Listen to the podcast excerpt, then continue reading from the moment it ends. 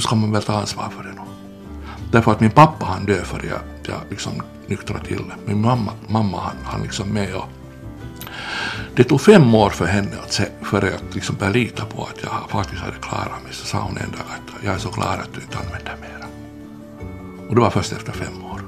Så hon trodde på det, att det, det är förbi. Benny Ulenius är nykter narkoman. Han är drogfri sedan drygt 30 år tillbaka. Bennys story handlar inte om en trasig barndom. Tvärtom hade han föräldrar som älskade honom och han tillbringade många fina somrar hos mormor i Fagervik i Ingo. Men det här samtalet ska inte fokusera på Bennys liv som drogmissbrukare, fast vi också talar en hel del om det. Utan om hans fortsatta liv som terapeut och handledare och coach för både ungdomar, missbrukare och fångar. Mitt namn är Tina Grönros. Ja, jag är Benny Ulenius jag är 61 år. Efter ett år så kommer jag upp till pensionsåldern. Men jag har inte tänkt gå i pension genast. Men det där det känns ändå ganska skönt. Att man kan börja välja. Och det där, och jag har flyttat hit till Fagervik från Helsingfors. Jag, jag är från Munkshöjden och Munksnäs. Där jag har liksom levt min barndom och ungdom i en sån här finlandsk-svensk omgivning med, med, med, med bara finlandssvenska kompisar. Det, det går riktigt bra i Munknäs att leva sådär. Åtminstone gick det då? Ja, ja precis. Ja, mm. ja. Mm. Jag bodde på Björneborgsvägen 5 som var ett sånt här, det kallades Svenska gården. Jag tror att det var, nu, nu kommer jag inte ihåg vad det var, liksom, Sparbanksstiftelsen var det annars som hade den och det var liksom bara finlandssvenskar som flyttade in där. Nu, nu bor där andra också, det har jämnat ut sig med tiden, men då var det på det sättet att för att kunna flytta in dit så utgick man från att, att man var finlandssvensk. Det är min ungdom och barndom. Men sommartid var du ju här i Fagervik, i Ingo. Ja, min släkt är härifrån. Jag vet att min släkt har bott i det här torpet som jag bor i sedan slutet av 1800-talet.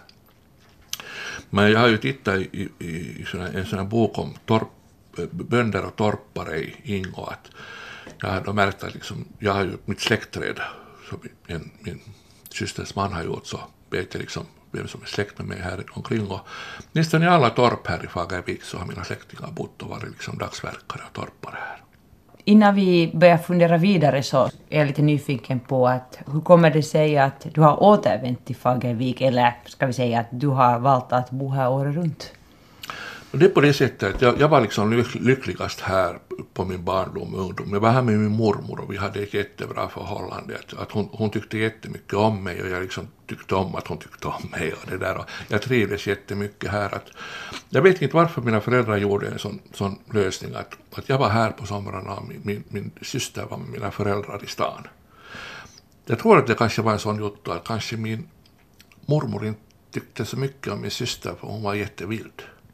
Och jag var igen jättesnäll. Och så där liksom att jag var så hemskt lugn och, och det där och kanske lite känsligare också så här. Så det där, jag var jättevälkommen här så jag har alltid, jag har alltid liksom trivt här, jag har jättegoda minnen härifrån och, och det där, sen när min, min, min pappa dog så delade det där min mamma upp liksom, liksom att jag liksom då fick komma hit, fick det här. Och jag var ju jättenöjd med det här och sen 91 så flyttade jag ut hit liksom helt och hållet. Från att ha bara varit på somrarna här så var jag liksom året runt här. Det att du har utbildat dig överhuvudtaget till rusmedelsterapeut, vad beror det på? Var ska jag nu börja? Jag, jag är född 1954 och 1970 var jag 16 och for till första Ruissalo, Ruisrock. Och det var den tiden liksom, jag, hade, jag var jätteintresserad av musik. Jag var faktiskt intresserad av musik. Jag liksom lyssnade hela tiden på musik på Beatles när de kom och liksom alla, alla andra som liksom var då. Jag, liksom var, liksom, jag var liksom med när de breakade. Då på den tiden så hörde det liksom till den här musiken liksom att man liksom, liksom var liksom med och då liksom betydde det där att liksom, jag var jättenyfiken på allt som hände där och då, då kom man in till till någonting som jag inte brukar tala om mera, men eftersom vi sitter här så, så det där och, och, och, och det där, det är liksom skäligt att ta upp det. Så det där så börjar jag liksom att av nyfikenhet och, och livsglädje så började jag liksom, för att det var jättehäftigt och intressant att testa på liksom att, på hasch och, och så när det var hasch då det var frågan om att röka det och, och så, så, så började liksom blir besvärligt på många sätt, liksom att det blev jättemycket haschrökande och så liksom blev det liksom samtidigt liksom den här utmaningen att jag skulle liksom ta studenten, det blir mera krav och så hade jag sådana hjärtesorger, liksom det blev Bernet och sånt och allt liksom på en gång liksom sådär att jag liksom sen drog mig liksom undan och liksom började koncentrera mig på att röka hasch liksom började fördriva tiden där. Man talar ju någon gång om portteorin. Att det, är ju, det är ju så med den där portteorin att för dem som det är en port, port så är det en port och för dem som det är bara blir med att testa så är det inte en port och för mig blev det liksom en port att, liksom att gå framåt. Det var inte sådär att jag liksom, jag var ju jätte som jag sa så var jag jätteintresserad av liksom hasch och sån här liksom musik och så kom LSD med. Det var också jättehäftigt med, med hallucinationer för jag liksom, jag alltid varit jätteintresserad av konst och sånt här. Det liksom passar jättebra med den här, hela, hela liksom den här kombinationen av hasch och LSD och konst och musik. Att det var någonting som jag liksom riktigt tyckte om och liksom levde mig in i det där och det var häftigt och det var liksom så här. Det var ju så att, att, att jag, jag liksom sen liksom istället för att då när liksom alla mina liksom klasskamrater och så här liksom började gå framåt i livet så jag började gå, gå bakåt. Inte så där att jag visste om det inte, utan jag bara stannade upp och, liksom, och tyckte det här var bra. Det är liksom så att jag har alltid varit jätterädd för nålar och sånt här. Men liksom, så började det också komma in sådär, det var inte sådär att, liksom, att jag var intresserad och sökte mig till, utan det var sådär liksom att när de fanns hela tiden omkring mig, så kom det sen den här dagen som jag liksom var beredd att liksom bara testa. Och så gick det vidare och, och så, det tog 15 år, det kallades så här konitrippi, det, det tog 15 år att gå igenom hela menyn. Alla liksom ämnen och alla de, alla de upplevelser som hör till, dit. Att det, det är just inte någonting som, som det där blev oupplevt därifrån. Och det där och det är 32 år sedan nu som jag kom loss från, från det där missbruket. Det tog 15 år. Det var en sån 15 års resa. Det är på sätt och vis en sån livstidsdom. Jag var 30 när jag kom, kom, kom ur det där, där, den där och, och det tog ungefär 10 år för mig att, liksom, att komma på fötter av den här 15 års. För det, liksom, det började så tidigt att jag hann aldrig bli vuxen. Så jag måste egentligen gå tillbaka till min ut, utveckling som 30-åring. Jag måste bli tonåring på nytt och liksom cykla omkring och röka lite Marlboro och sånt här liksom och liksom eh, bara för mig själv liksom och lära mig vara mig själv och så här liksom och, och liksom, liksom lite ta reda på vem jag liksom överhuvudtaget är. För det hade jag förlorat helt liksom. Jag hade ingen aning om vem jag var sen efter det som jag hade slutat. För det där missbruket gav en så stark identitet. Men efter tio år så, där, så började det vara så där att jag, jag, jag mådde bättre längre tid än jag mådde, mådde dåligt. Att det var hemskt, hemskt svårt i början att jag hade sån ångest hela tiden. Liksom, kanske också på det att jag hade liksom den sista tiden ätit hemskt mycket diapam och sådär liksom för att hålla mig lugn och sådär. Och det, det, det, det är en jättefarlig drog för det, liksom, det är liksom själens deodorant det så bedövar liksom själen, den kommer bort liksom, man har bedövat den i många år, så alla känslorna de har, det är ingen liksom, liksom det är ingen reson liksom på den här känslan att liksom djup liksom ångest eller sånt här, att liksom att, att jag lärde mig sen där, eller jag, jag hittade liksom människor som hade samma erfarenhet, så jag liksom lärde mig, jag blev liksom lärd att en dag, bara en dag i sänder. Så blev det liksom tio år och, så, och nu, nu har det blivit 32 år.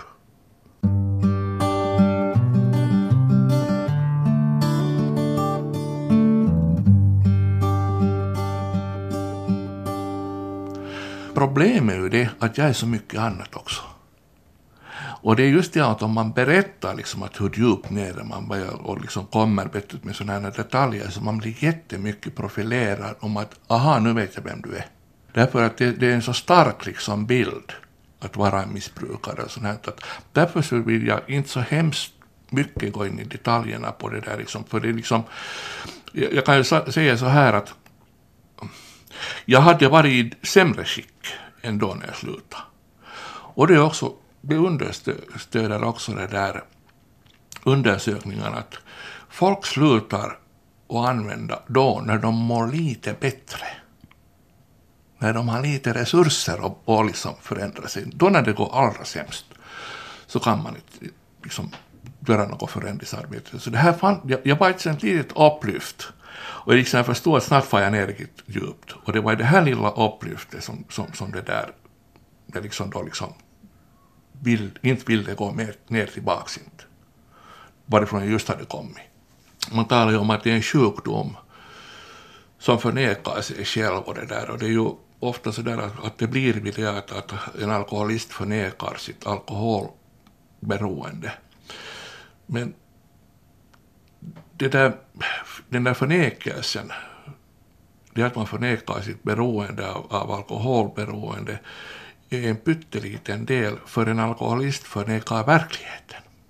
Varav den där alkoholjutton är en liten jotto. Till exempel att jag går på jobb och det, det är bara mig själv jag gör illa. Det är sånt här liksom, att liksom man förnekar hela den där, att det, det, det är ju ofta så där att det är 20 människor som lider av att en dricker.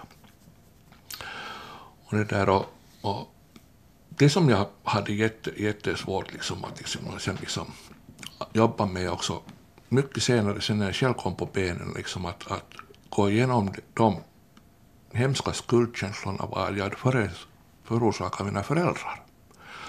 Och liksom min syster, när 15 år, hade nog väntat på att det där samtalet skulle komma när det blir rapporterat att jag har dött dödad eller överdos eller någonting, eller förolyckats eller någonting, så 15 år så måste de ha det här liksom. Och liksom, det kom först liksom den där liksom insikten till det vad jag hade gjort andra med, med att, att missbruka. Den kom mycket senare när jag började själv vara på benen. Och jag har inte riktigt helt kommit över det ännu inte. Kanske jag inte vill heller inte. Att nu ska man väl ta ansvar för det nu. Därför att min pappa han död för jag, jag liksom nyktra till. Min mamma, mamma han, han liksom med och det tog fem år för henne att se, för att liksom börja lita på att jag faktiskt hade klarat mig. Så sa hon en dag att jag är så glad att du inte använder mera. Och det var först efter fem år som hon trodde på det, att det, det är förbi.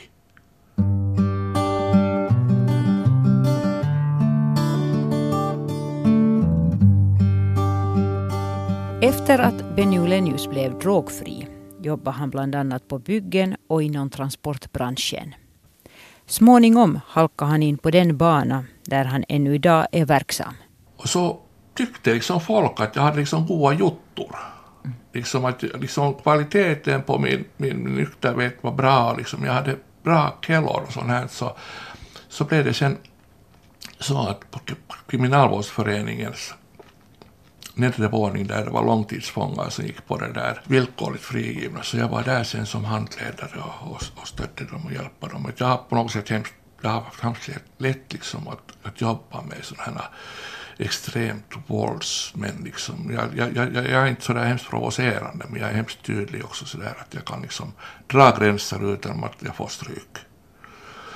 Och det, det jobbar jag nu sen med och sen på den vägen har jag liksom kommit in att jag har använt, jag, jag liksom det har funnits ett intresse av att använda den här min erfarenhet, vad jag, vad jag har gjort av den. Att jag har liksom studerat, jag liksom, jag liksom, på grund av den ångesten som jag hade då när jag slutade så, så läste jag mycket, hemskt mycket psykologi och, och teologi och sånt här. Jag var jätteinsatt i teosofi och sånt här. Liksom, jag fick liksom, liksom stöd och hjälp liksom från de tankarna där omkring. Att det är liksom bakgrunden på att varför jag hamnade in här. Liksom, att jag liksom att, att sen när det där var jag, var jag på en det där den här Kiskokliniken som, som jag sen senare jobbade på, så de hade ett problem att de hade där inne hårda missbrukare som hade fängelsedom framför sig. Och de vände sig då till mig, Kriminalvårdsföreningen, om jag kunde göra upp ett nätverk för dem, att hur de kan fortsätta sin rehabilitering med att fara från ett, en anstalt in i fängelse.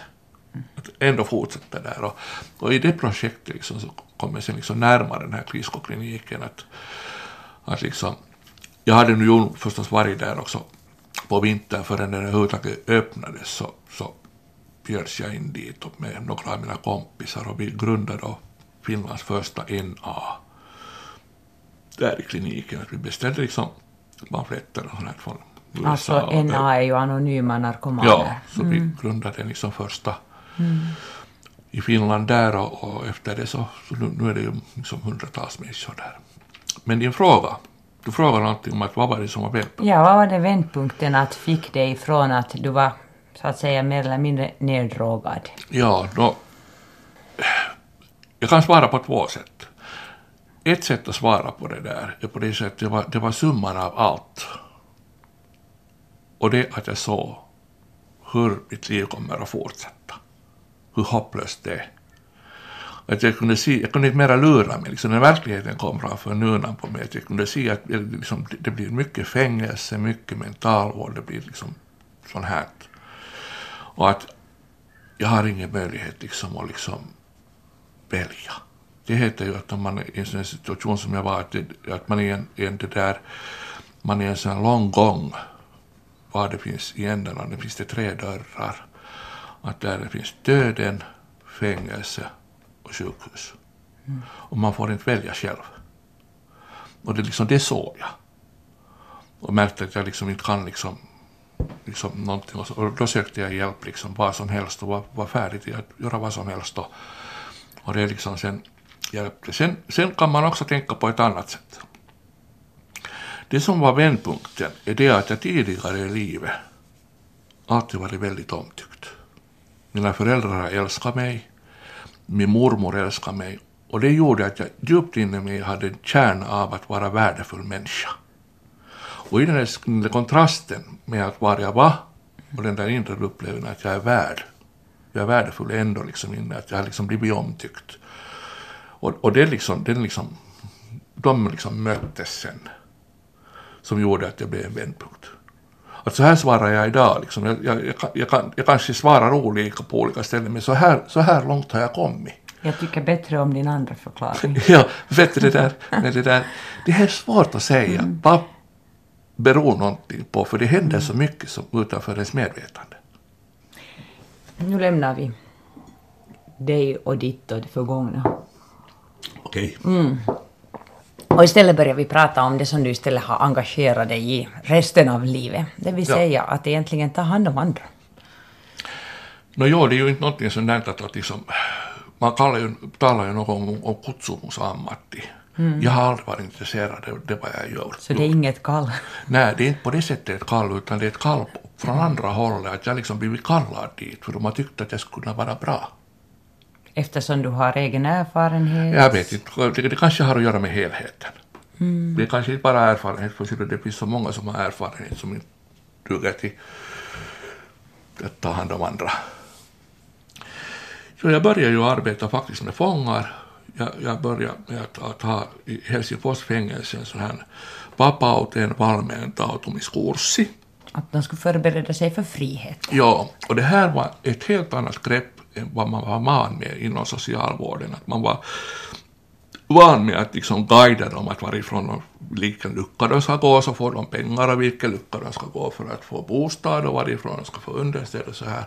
Jag bytte helt om till psykologiska planet, den här klimatiseringen från en anstalt till fria världen. Att vilken liksom för i fängelse så är det ju hela tiden sådana rutiner och där får man inte visa känslor, man får inte liksom behandla någonting, alla, allt sköts för en och ett, och tre så liksom bam så har man allt på sig. Och den liksom omväxlingen då liksom hade jag en sån kurs och, och, och eftersom de här fångarna som jag hade dem åt hade liksom blivit frigivna tidigare så de liksom såg det där att det här är det, här är det viktiga. Att det att varifrån man får liksom pengar och sånt, det är ju en piece of cake för att klara av den här psykologiska liksom stressen och den här ångesten och den här ombytningen av att, att någon har liksom i tio år tänkt för dig så måste du ett tänka själv och göra själv beslut. Och den här blev hemskt omtyckt den här kursen på det sättet fångarna liksom, de förde vidare det här ordet till personalen. Liksom att, de liksom talade som att det var en jättebra kurs som Benny hade och så här. Och, och det sen liksom gick, gick, gick vidare och, och liksom så, så flyttade jag över till, till Kiskokliniken och började där och jobba med det där missbrukare för de, de bad kom, kan du komma hit och jobba. Och då ska vi komma ihåg, du hade ingen utbildning nej, den tiden nej, ännu? Nej. nej. Jag hade ingen utbildning. På den tiden så jobbade man inte med utbildning, utan man jobbade med att om man var bra så, så var det liksom, då var man morgonlisesti pätevä. ja. Och det där och, och, och där var, det liksom kallades på den tiden liksom narkomanernas högskola eller universitet, dit kom man liksom förrän man dog. Liksom man var liksom i slutet på sin bana, man inte började på sin bana, att de var alla över 30-åringar, liksom, man hade använt redan länge. Och, och där var det hemskt mycket som jag använde en transaktionsanalys som, som är en, en, en sån här human psykoterapiform. Det det går ut på det att, att en missbrukare har ett så kallat livskript och en livsroll. Och vi börjar jobba med de här livsrollerna, att man vet så länge vem man är som man är liksom missbrukare. Man vet vad andra är och man vet hur man ska tänka och sånt här. Och vi börjar jobba med de här liksom livsrollerna, att förändra dem. Och ett sånt mellanstadie är då den här nykter alkoholist eller, eller en, en missbrukare som inte använder men som fortfarande använder. Det är ett mellanstadie som att man avklimatiserar sig på den här vägen och liksom börja liksom bygga upp en ny identitet.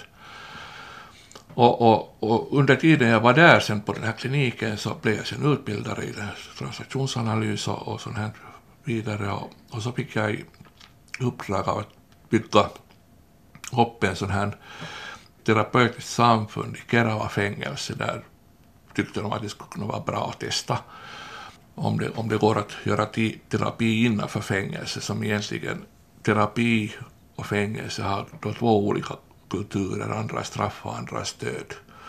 Och det var hemskt intressant det där och det där jag kom till det att, att jag egentligen smyg utbildar fångvaktarna till att bli de som tar hand för klarar inte fångvaktarna av att byta sin roll så kommer inte fångarna heller att göra det. Så jag jobbar mycket med att utbilda de här fångvaktarna till att bli terapeuter, liksom börja se och sånt här, och byta sin egen liksom, livsroll. Och det var ju många som sa på det sättet att de, de, de är liksom fångvaktare på sitt andra livstidsstraff, att de hade varit liksom 30 år fångvaktare, de var trötta på det där, de ville göra något annat. De var liksom också sådär färdiga med men det, var, det, det fanns inget nytt där. Så det där grundade jag ett terapeutiskt samfund i det där i Kerava och, och det andra skedet var sen i det där i Sjöskog där det fanns ett sånt arbetsläger. Och det här blev sen hemskt bra på det sättet liksom att det involverar också det här liksom att göra ett samfund så då ger man ansvar, ansvar också till det här fångarna liksom. Man bygger upp en så, så kallad hierarki att där är de, de som är längre med så har mer ansvar och de som är nya så tas hand och så här. Det här blev sen på det sättet så lyckat att, att liksom fångvårdsverket, det hette, på den tiden hette det Vaho, Mankeihoitolaitos, ville ha en också där i mellersta Finland så, så, så, så byggde jag upp en, en till där sen så jag har nu byggt, byggt upp två innanför fängelser och sen senare blev det sen förstås tillade dem på mentalvårdssidan och nu den som jag jobbar nu på. Nu kommer jag inte riktigt ihåg vad du frågade. Det vill säga hur det kom sig och hur du jobbar, hur du har ja. ditt jobbliv och sånt. Jag tänker på att oj, alltså du liksom tog dig an en stor bit och du jobbar på ganska hårt i många år. Mm. Mm, vilket också gjorde sen att i något skede sen så, ja. så gick du i väggen eller åtminstone började ja, känna av det var, att... det var då när jag flyttade över det här, den, här, den, här, den här första samfundet i södra Finland så hade jättemycket stöd av ledningen. Den här andra som jag byggde upp där i mellersta Finland, i, i Pelso och Estilä, så hade liksom den där organisationen var ganska sådär stridig. Att det där stödet därifrån var liksom sådär dubbelt, att på ytan jo, men på, på djupen nej. Så gillade inte massa att du kom dit? Nej, jag tyckte inte om det för att det var en, det var en positionsomdelning, och som kom liksom utifrån liksom lite och så här och, och det blev sen sådär jättejobbiga saker att vi kom till exempel överens om att, att fångvaktarna när de utbildar sig, så tar, när de kommer till gruppen så tar de av sig de där fångvaktsuniformerna. Så det gjorde de inte. så de satt där med hela sin mundering och liksom var, var liksom terapeuter och det där. Och, Och det är liksom på ledningsgruppen så kom det, kom det överens om att det där att, att de skulle ta civila på sig och, och det, där, det tog sen över ett år den här processen. Att man gjorde ett beslut och jag kom dit och ingenting hade hänt. Och det där, den här liksom processen, när den inte gick framåt, så är det där... Jag, jag har aldrig blivit utmattad av mycket jobb. Jag har blivit utmattad av onödigt jobb. Det vill säga att du bygger upp en, ett skjul och på morgonen har någon dragit ner den och du bygger upp den och sen är det igen neddraget. Och det här gjorde sen att jag liksom gick i väggen som man brukar säga på svenska, att jag blev utmattad av att min liksom, uh, min förmåga att sova försvann. Och det där, först var det liksom, fick jag två veckors semester. Och så gick det igen. Så gick det ett par månader, så fick jag en månads semester. Så fick jag två månaders semester. Och så kom min semester. Och när semestern var slut så var jag helt i varv, fortfarande. Och då förstod liksom folk på min arbetsplats att jag måste gå till läkaren. Och så gick jag till läkaren och så blev det sammantaget så ett år. Att jag var så slutbränd. Att de gav ett år åt min sjukledighet Därför för att jag skulle slippa tänka på det där, snart tar det här slut. Och det tog mellan åtta till tio månader för jag kunde sova igen. Och på grund av min, min, min bakgrund så ville jag, ville jag inte ta det där sömnmedel och sånt här som jag då, jag skulle genast ha blivit beroende av den.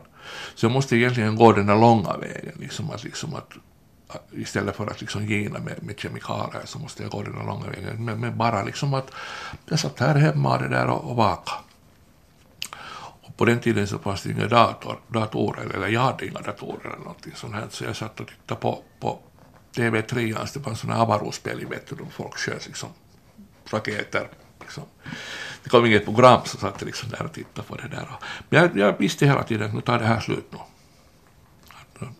jag har gått liksom långa vägar tidigare, att det här kommer också att liksom, det, det, fast jag inte ser det där ljuset så det finns där, att jag kommer att klara mig, att det är liksom bara en dag i sänder. Herregud, men att inte sova på många månader. Det är häftigt, ja. Det är det att man liksom, det är det när man inte sover så blir man ju så, man blir på det sättet hemskt paranoid.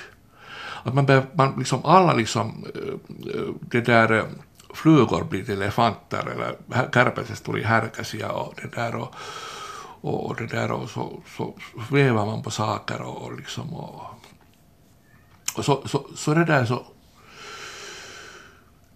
är det ju på det sättet att liksom folk upplever det på scenen att man är hela tiden lite arg.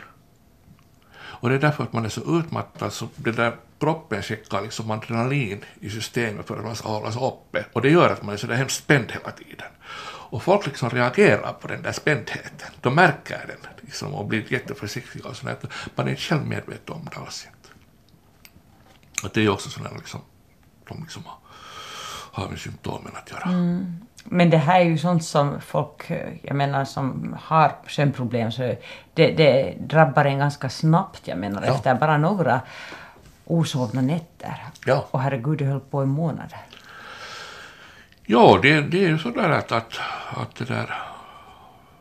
Nästan ett år. Mm.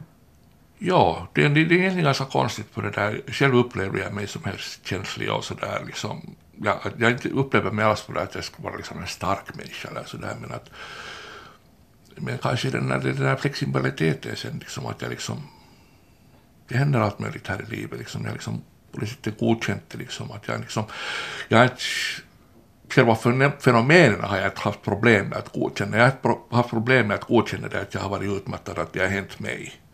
Att, liksom att, att, att, möjligt kan hända, liksom, det har jag inte haft problem med att liksom godkänna. Det kanske har gjort sen att, att det är lättare att sen gå igenom det. No, det här hände för drygt tio år sedan. Uh, ja, 2003. Ja. Ja. ja. ja. Och efter det så har du fortsatt jobba? Ja, men jag måste vara jätteförsiktig med det där. Jag lyssnar ju hela tiden, efter det där så lyssnar jag hela tiden på det där att, att, att, inte, att jag inte kommer in. Det är den sömnlösheten som det där, då vet jag att nu, går, nu har det gått för långt. Jag har inte ännu, ännu hamnat i det, men det är det som jag hela tiden liksom följer med, att hur jag sover. Och du sover bra? Nå, egentligen inte. Jag har aldrig sovit bra. Jag har alltid varit en nattsuddare. Min mamma sa alltid att jag är nattsuddare. Och jag har sådana, sådana intervaller mm, liksom. Att jag kan ha en sån här tre, fyra dagar som jag sover dåligt och sover bra igen. Och jag har också lärt mig det där liksom att jag är sån att jag inte sover hela tiden jättebra och djupt.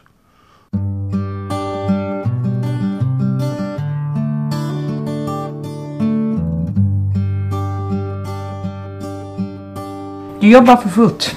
Ja, jag jobbar nu med det där i ett sånt samfund. Det är i Esbo. Och där är tio ungdomar som bor i sina egna bostäder. Men som vi har bildat ett samfund av. Det här samfundsvård är ju någonting sånt som jag har liksom jobbat med hela livet. Liksom att använda hela omgivningen och alla de där förhållandena som finns liksom till att göra en förändring i livet, att liksom få stöd och, och, och det här är unga som, som det där behöver starkt stöd. Det är inte så där att man kan ge en bostad åt dem och de har olika bakgrund. Att det kan vara på det sättet att de har varit, de är från sådana här ny, usioperheter, ny, ny familjer där de sen liksom inte har kommit framåt utan de sitter där i sitt rum med sin dator och är hatade av båda föräldrarna, sin egen mamma och den där nya pappan eller tvärtom. Och de liksom slipper inte ut därifrån, liksom att de är liksom fångna där. Och, eller så kan det vara så att föräldrarna har mentalvårdsproblem. Men nu vet man ju hur det, hur, hur, hur det kan vara liksom att vara ung och man ska ut i egna livet och så har man en, en, en mamma eller pappa som man bor hos som är allvarligt mentalt sjuk. Så det är inte så mycket man har kvar då för egna livet när man liksom försöker anpassa sig till den situationen. Och så finns det ju föräldrar som har grova ensamstående mammor som är djupt alkoholiserade som har en, en son eller någon som bor där och som kastades av till pappan eller mamman och så här. Och där finns många unga som det där inte har sådana föräldrar som vi kanske här i Agdammen tar för givet att alla har. Och där finns inga liksom, sådana sociala nätverk som det finns här i liksom, Svenskfinland så finns det sådär att man har liksom lite andra bekanta också än bara mamma och pappa så de, de blir helt ensamma liksom. Och jag brukar säga så här att, att ungdomen det är att man är en ung människa i och för sig redan är en diagnos. På det sättet att en ung människa är en sådan som inte har just någon självkänsla alls. För den har ingen livserfarenhet. Och det är det som föräldrarna lappar när den där unga är vuxen. Inte när den är ung utan är redan vuxen och, och liksom ska ta hand om det här vuxenlivet första gången. Så då kommer liksom föräldrarna in och stöder liksom och hjälper liksom med att någon ger lite pengar och liksom att, att, att vara någon att tala med och, och, och som säger att nu blir det bra att kämpa på bara att jag tycker jag älskar det och sånt här liksom att de får det här liksom och, och, och mina ungdomar har inte just sånt, sånt alls inte, utan de, de, de, de har föräldrarna var de liksom uh, tillgodoser, liksom, de bara levererar bara negativa saker. Så det gör, gör ju det att liksom, de liksom förlorar helt tron på sig själv och förlorar helt tron på att de kan ha någon plats i livet. Och det är genom det här samfundet sen som jag vill försöka liksom förändra det här, liksom att ge en identitet, liksom att, att stödja var, varandra och så här. Att jag försöker på det sättet att jag inte drar det där samfundet utan jag liksom försöker vara sådär bredvid och liksom stöder, liksom, på, på sätt och vis så som föräldrar också stöder sina ungdomar. Att de, de gör inte istället för, men de finns hela tiden liksom där bredvid. Att, att liksom de unga vet att de får hjälp om de behöver, då, då, då vågar man och kan man mycket bättre också liksom, till exempel ringa till arbetskraftbyrån och säga liksom och sånt här, att det, det är ju så konstigt med de här ungdomarna, de, de tror alltid att det är deras fel, att när de går till arbetskraftbyrån när de inte har arbete, så att jag vill inte gå dit mera, för de är arga på mig. Därför att de är stressade, de här människorna. Samma är det på socialbyrån. De tycker inte om mig, därför att de inte har tid, men de tolkar det på det sättet. Och det där, vad jag jobbar med nu, nu i Esbo, det är en så kallad jag brukar kalla det motkultur till byråkratin. Att det här sociala systemet det är sånt att det liksom det är en byråkrati som går ut på det att klienterna anpassar sig till de här modellerna som har blivit skapade. Och vad som händer, att har du till exempel mental och rusvårdsproblem, så kan det hända att den här människan som jobbar på socialbyrån eller på, på rusmedelsbyrån eller, eller på någon annanstans kan, kan svara så här att jag skulle nog kunna hjälpa dig, men du hör inte riktigt hit. Och det är det som jag jobbar med då, att, att, att, att de här unga som inte blir liksom syrjautet utan de syrjautetään, vad heter det nu på svenska? Och det där och man brukar ju ofta tala om att hän on semmoinen välinputoja. Mm. Men det är också så att man droppar de här emellan. Att man säger att gå dit, okej okay, det går inte, gå dit, det går inte, så faller de dit emellan. Utan det där systemet som droppar människor om de har två problem. För det systemet känner bara till att lösa det problemet som, som det är gjort för. Och har du ett annat så kan, kan det vara att du inte får hjälp alls inte. Och det här, min, min det där, det här samfundet som jag byggt upp då är liksom att liksom gå ut på att liksom känna igen sådana här systemstörningar. Personlig handledning har blivit utvecklad på det sättet att när det byggdes upp för schizofrena någon gång i tiderna, sådana här system för att hjälpa dem, så kom de aldrig dit. Det var bra system. De kom aldrig dit. För de visste inte, den schizofrena, vad det var för dag, vad det var för år, ta, tionde. Så de behövde någon personlig handledning som levde i deras verklighet, levde i deras vardag. Och den här byråkratin som är byggd upp för de här och vardagarna, de är jättelångt från varandra. Och det där, jag jobbar på det sättet att jag försöker liksom komma in i det här ungas vardag och in i deras verklighet och liksom hjälpa dem att mellan, mellan den här byråkratin och den här verkligheten. I praktiken går det till på det sättet att när en ung har ett problem, till exempel rusmedelsproblem, så går den och träffar en rusmedelsmänniska. När den har problem i skolan så går den till sin kurator. När den har problem med mentalvårdsproblem så går den till mentalvårdsbyrån. När den har problem med, med, med att den inte har några pengar så går den till socialbyrån. Nu har vi redan fyra, fem anstalter. Det kan vara en människa som går till alla de här sakerna. Och varje ställe skulle ha en sån här fem, sex blanketter att fylla i för att få den där hjälpen. Och där byts hela tiden personal. Så du måste börja från början tre gånger i året. Och det där är liksom en hopplös liksom, cirkus. Och jag har liksom byggt upp på det sättet att, att alla de här nätverken, alla de här mötena, så jag kallar alla de här människorna hem till den här unga. Så vi har alla möten hemma hos den här unga. Och det här är liksom personlig anledning, att man går inte in i en, i en byråkrati eller i en sån struktur som man sen anpassar till sig att fylla någon datorsystem eller sånt, utan jag tar alla de här och de kanske träffar varandra första gången. De har inte vetat att de alla håller på med samma sak. Det som är viktiga när man jobbar med människor är inte systemet med vilket man jobbar, utan förhållande. Har du ett bra förhållande till en ung, så då har det en betydelse vad du gör. Är förhållandet dåligt, så har det ingen betydelse vad du än gör där. Och det är, liksom, det, är det som vi jobbar med då, liksom att i, i det första skedet hos oss så bygger vi upp ett förhållande. Vi gör ingenting annat bygga ett förhållande, lär känna varandra. Vem är i ditt nätverk? Och så tar vi ihop dem. Och liksom faktiskt vara hemma och sådär. Och ser att hur, hur det ser ut. Har du, har, du, har du en sån här människa? För det att man kommer in i en byråkrati så det är samma sak som händer i fängelse. Du blir ett nummer. Du blir fråntagen, du blir en case. Du blir ett fall som har en beställning som man löser. Hela det här systemet som är byggt på att, att, att idén om att hjälpa och stödja egentligen fångar en människa.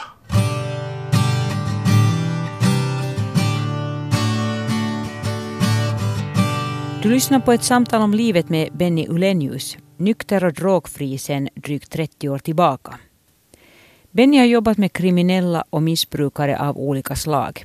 Han har bland annat startat landets första NA, som står för Anonyma Narkomaner, och just nu är han engagerad i unga vuxna som av olika orsaker hamnat utanför det som vi kallar det vanliga sociala nätverket. Vuxna som bryr sig. Hur håller du själv ihop? Nå, det där... jag har ganska hög energi. Att liksom folk undrar att orkar du? Men jag är lite likadan som min pappa. Jag kan komma antagligen att pang säger hjärtat så den här kemin. Att jag, jag är aldrig sjuk till exempel. Jag, jag, jag har jättetråkigt om jag sitter över en halvtimme i solen så blir jag blir sådär att jag har sån högt tempo hela tiden. Jag är nu bara sån människa att jag, mm. jag, tycker, jag tycker om att vara igång. Och så. No, jag tänkte på det för när jag kom hem här till dig i, i Fagervik också så allt liksom, det är ordning och reda här och gårdspla, gårdsplan är i jättebra skick. Gräset var nyklippt, jag fick genast då när jag tänker på egen gård. Och här inne är det hur fint som helst och så vet jag samtidigt att du jobbar som en galning. Mm. Ja. Jag, jag, jag förstår, du, du, du kan inte sitta, nej, man, det finns inte tid då nej. att sitta i solen en halvtimme. Det, det, det är så på det sättet att, att, det är ganska farligt det här också. Att då, att då, när, jag, då när jag brann, mm. brann slut mm. så, det där, så hade jag en sån här samtalsterapi med, med en klok människa och hon talade om sån här som det heter,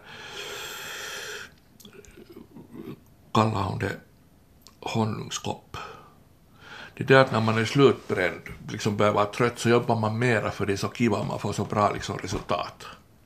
Istället för att bromsa. Och det där och, jag har liksom, det har jag nog lärt mig om att det liksom, det funkar lite mer att man berömmer mig och sånt här liksom. Jag, jag, jag har liksom fått den, den liksom fullt. Jag vill egentligen inte ha uppmärksamhet heller, att jag, jag talade med dig om det här programmet, att jag har liksom fått liksom tillräckligt med liksom mediauppmärksamhet och sånt här, liksom att liksom, det räcker liksom för ett liv. Men du har inte ännu fått riktigt det där att du har fått, du har inte bromsat ännu, du har ännu full fart. Nej, jag tror jag, kan, jag, tror jag aldrig kommer att bromsa, bromsa därför för att jag har ju alltid varit med. Liksom, då också när jag använde, jag var med och, och liksom övertog Lepac och då, då... Till och med då när du faktiskt mådde som ja, sämst ja, själv? Ja, ja. Mm. Jag var på natten där klockan fyra, fyra kom de vakterna öppnade. Jag, jag tror jag var, om inte den första, så kanske den tredje som tog steget in dit i, det, det var hemskt, vet du. det var fruktansvärt den där stanken där och där hade de här männen sen, alltså krigsveteranerna, som söp ihjäl sig, liksom, kom aldrig bort från fronten utan kriget fortsatte ju så de fortsatte dricka bara och där var de nu sen på 60-talet var det, fanns det ännu i liv av dem som inte hade supit ihjäl sig. Och det där, där var sån här liksom paff autopahvi som de låg på som var helt liksom dränkt i piss. Att liksom, de, de liksom sov där, liksom, det fanns inga madrasser och sånt där. Det var en fruktansvärd stank där. Liksom det där. Det hade vi riktigt våra veteraner. Det enda som brydde sig om på den tiden det var det där från Martens som, som i Emmaus ordnade den där att de hade ens den, den här Lepakkolåla, ens den åt dem, att de skulle ha någonstans, för annars förresten de ju ihjäl i, i, i, det där, i de där drivorna. Men det där... Så redan då så engagerade du dig? No, jo, det, det är på det sättet att det, det, det bara råkar sig på det där sättet. Det är det att jag liksom inte orkar stå stilla så rör jag mig så då liksom efteråt så ser jag att herregud, jag var ju där. Mm. Och så där och, och det där och, och så är det också en sån jotto som man, man får av det här jobbet. Jag får, får stå min lön, men så får jag någonting som det där som man inte ens kan söka från det här jobbet. Det liksom kommer liksom puntaka. Det kommer liksom en sån där... Liksom man, kan, man kan uppleva det, det här med att jobba med människor. Liksom. Hur ska jag förklara det här? Man kan uppleva en sån här... Vet du, när man ser ett under, det är helt svårt att förklara vad man upplever då. När sådana här unga liksom gör förändring i sitt...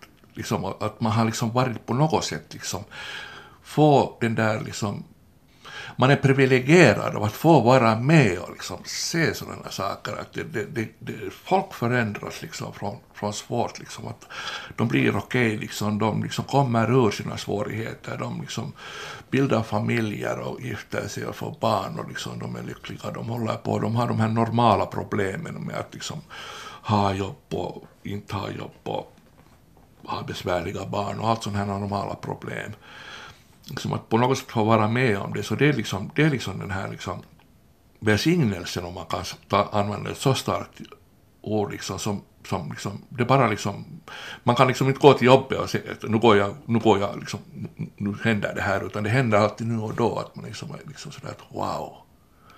att jag får vara liksom närvarande när det här sker. Och det, är liksom, det, det, det är det som gör att det här yrket, när jag jobbar med människor och med, som, som har problem, liksom, liksom, liksom speciellt, liksom, det är ett bra liv. Du har lyssnat på ett samtal om livet med rusmedelsterapeut Benny Ulenius i Fagervik i Ingo. Jag som gjort programmet heter Tina Grönros.